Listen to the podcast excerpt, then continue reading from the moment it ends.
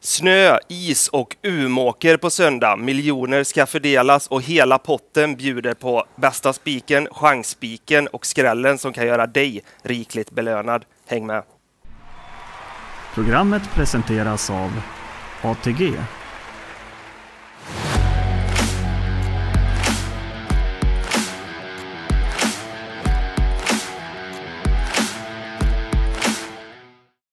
Varmt välkomna ska ni vara till Hela potten, programmet där vi snackar upp Grand Slam-omgången på söndag. Den här gången är det Umåker som står värd och med mig i studion har jag min kollega Fredrik Lindman. Hur är läget? Tack, det är bra. Det är kallt eh, och bra.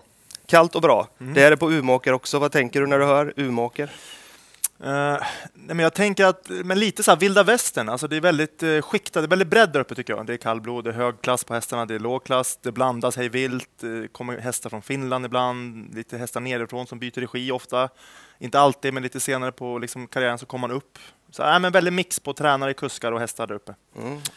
Utöver det där då, är det någonting mer man ska tänka på just kring urmaker? Nej, det är inte så mycket. Upploppet 190 meter, det skulle jag säga är ganska, ganska standard, liksom medium. Eh, så att varken kort, varken långt. Eh, det man kan tänka nu på vintern är såklart att det är, det är isbana man tävlar på. Mm. Är det någonting särskilt om isbana sådär allmänt? Nej, det är inga konstigheter med hur de behöver balansera. Liksom. Det är ju brodd, brodd i skorna. Ehm, men självklart kan man som spelare titta på hur de har gått tidigare på isbanan, för det är lite speciellt. Vissa hästar går nästan bättre på isbanan, kanske för att de får rejält med fäste och sådär. Men eh, det kan vara bra tips att titta hur de har gått tidigare på isbanan. sådär. Mm. Mm. Jag vet ju att du har grävt fram en stabil spik att luta sig mot här på söndag. Vem är det det handlar om? Ehm, det är nummer två, Hjalmar Express här i GS75 3.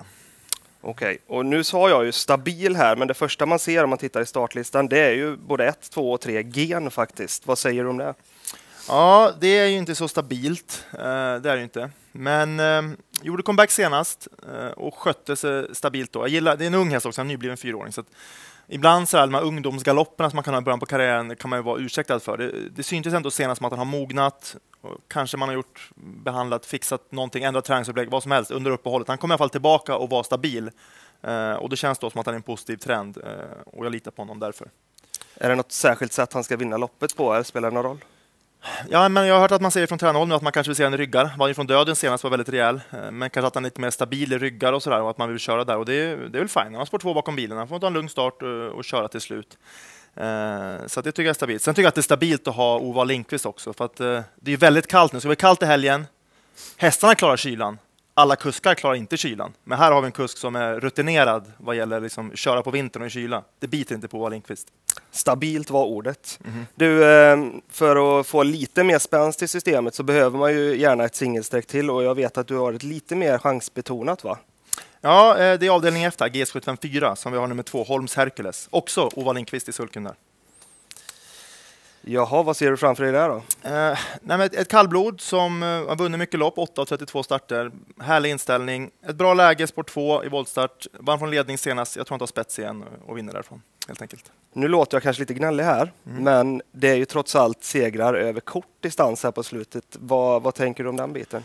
Uh, nej, men det är helt rätt. Det är medeldistans nu och segrarna var på kort på sistone. Ibland kan det vara att de är sprinterbetonade, men kollar jag bakåt i karriären så har han tagit åtta segrar, fyra av dem på medeldistans fyra på kort distans. Han har ett ganska gångbart rekord över medel, 26,5. Det var från ledning eh, då också och vid seger.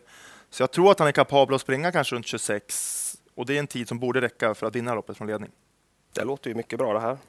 För att bli eh, rikligt belönad då och bli av med våra konkurrenter här på streckspelet så behöver vi ju en riktig Grand Slam-skräll och det vet jag att du har hittat den också. Mm, I GS751 eh, så tänker jag mig försöka med nummer 6 Waffle. Eh, där har vi en stor favorit, nummer 7 Selmer IH. Troligtvis blir gigantisk favorit, men jag, jag kommer prova fälla honom och då är nummer 6 Waffle. Jag tror på. Selmer IH och is klingar ju ganska bra och jag vet att det är ett ganska litet fält det här. Är inte risken att han hamnar lite väl bra till här eller? Jo, det är ju så de här voltloppen. Det är klart man helst hade sett kanske 12 hästar på start, så att han haft många runda Selmer IH. Så att, eh, det är klart det är passande. Men Kollar man på Waffle så såg han väldigt bra in i det här loppet. Eh, fick lite sparade krafter senast. Eh, har springspår, ensam på springspår. Tror han sitter då. Han sitter troligtvis i sargen direkt. Ledning, kanske ryggledaren. Eh, och det är bra att sitta i främre träffen och springa på innerspår. Jag tror att det, det, kan räcka för honom att ha det försprånget. Så man kanske får en bra start, då kan han tjäna 10 meter till på Selmiho, kanske 30 meters försprång. Eh, och jag tror att den är bra nog att kunna hålla undan det i alla fall, så jag vill testa med nummer 6 Waffle. Är det en sån där gammal räv som har tänt till lite igen? För det här är ju ett namn jag känner igen sedan många år tillbaka. Ja, han har hunnit bli tio år, men eh, som sagt, han levererar och jag tycker att när de kommer upp i åldern så kanske motivationen tryter lite. Och då kanske man kan få ännu bättre effekt av att han just satt fast senast. Att man får den här, de är lite mer beroende av de här motivationshöjarna när de kommer upp i åldern mot när de är unga och springer på ungdomlig entusiast hela tiden. Mm.